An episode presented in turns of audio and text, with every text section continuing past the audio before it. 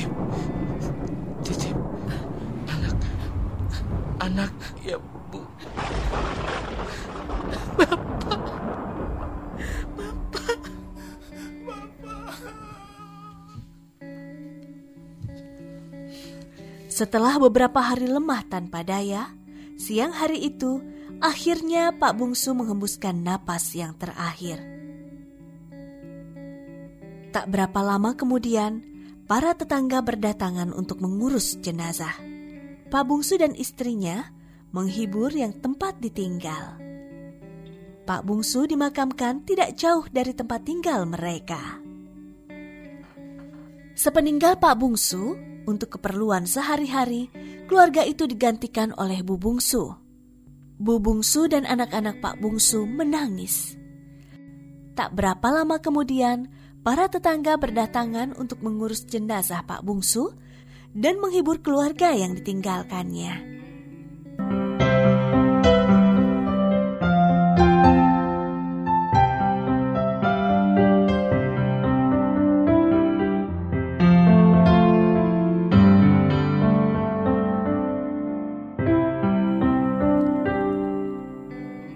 Sepeninggal Pak Bungsu, untuk keperluan sehari-hari, keluarga itu digantikan oleh Bu Bungsu. Bu Bungsu pergi ke hutan ditemani anak-anaknya.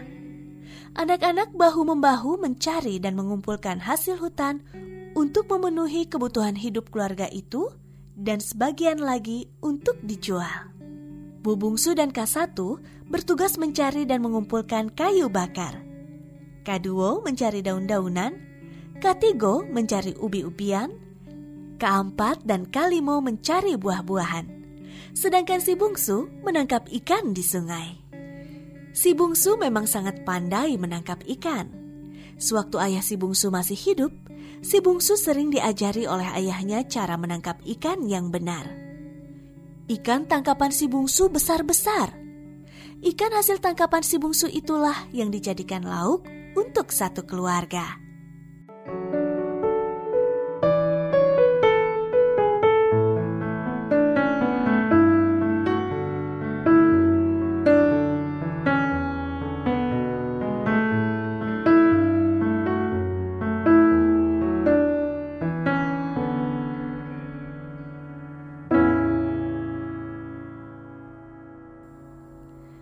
Pada suatu hari, seperti biasanya, si bungsu pergi ke hutan untuk menangkap ikan.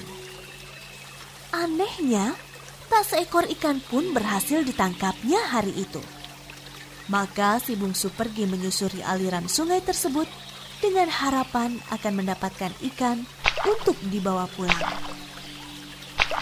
Tanpa disadari, si bungsu telah jauh menyusuri aliran sungai itu. Si bungsu tersesat dan tidak tahu lagi arwah jalan pulang menuju rumah. Si bungsu menangis teringat ibu dan saudaranya. Ibu, ibu, bungsu tersesat, bu.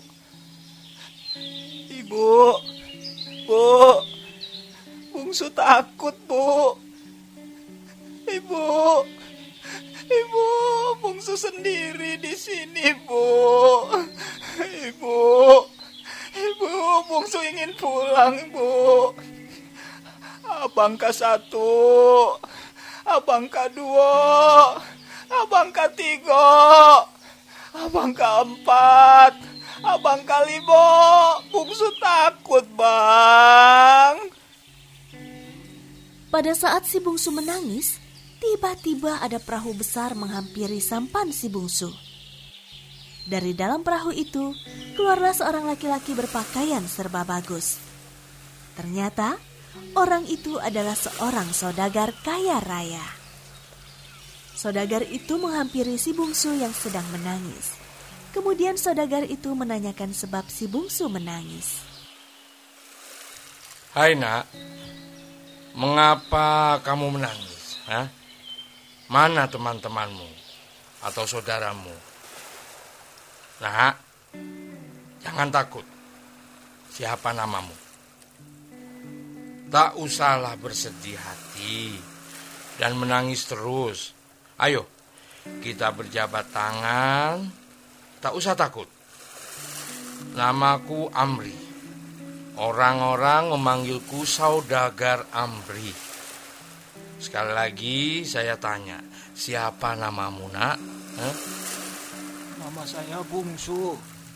Orang-orang memanggilku dengan sebutan si Bungsu. Hmm, mengapa?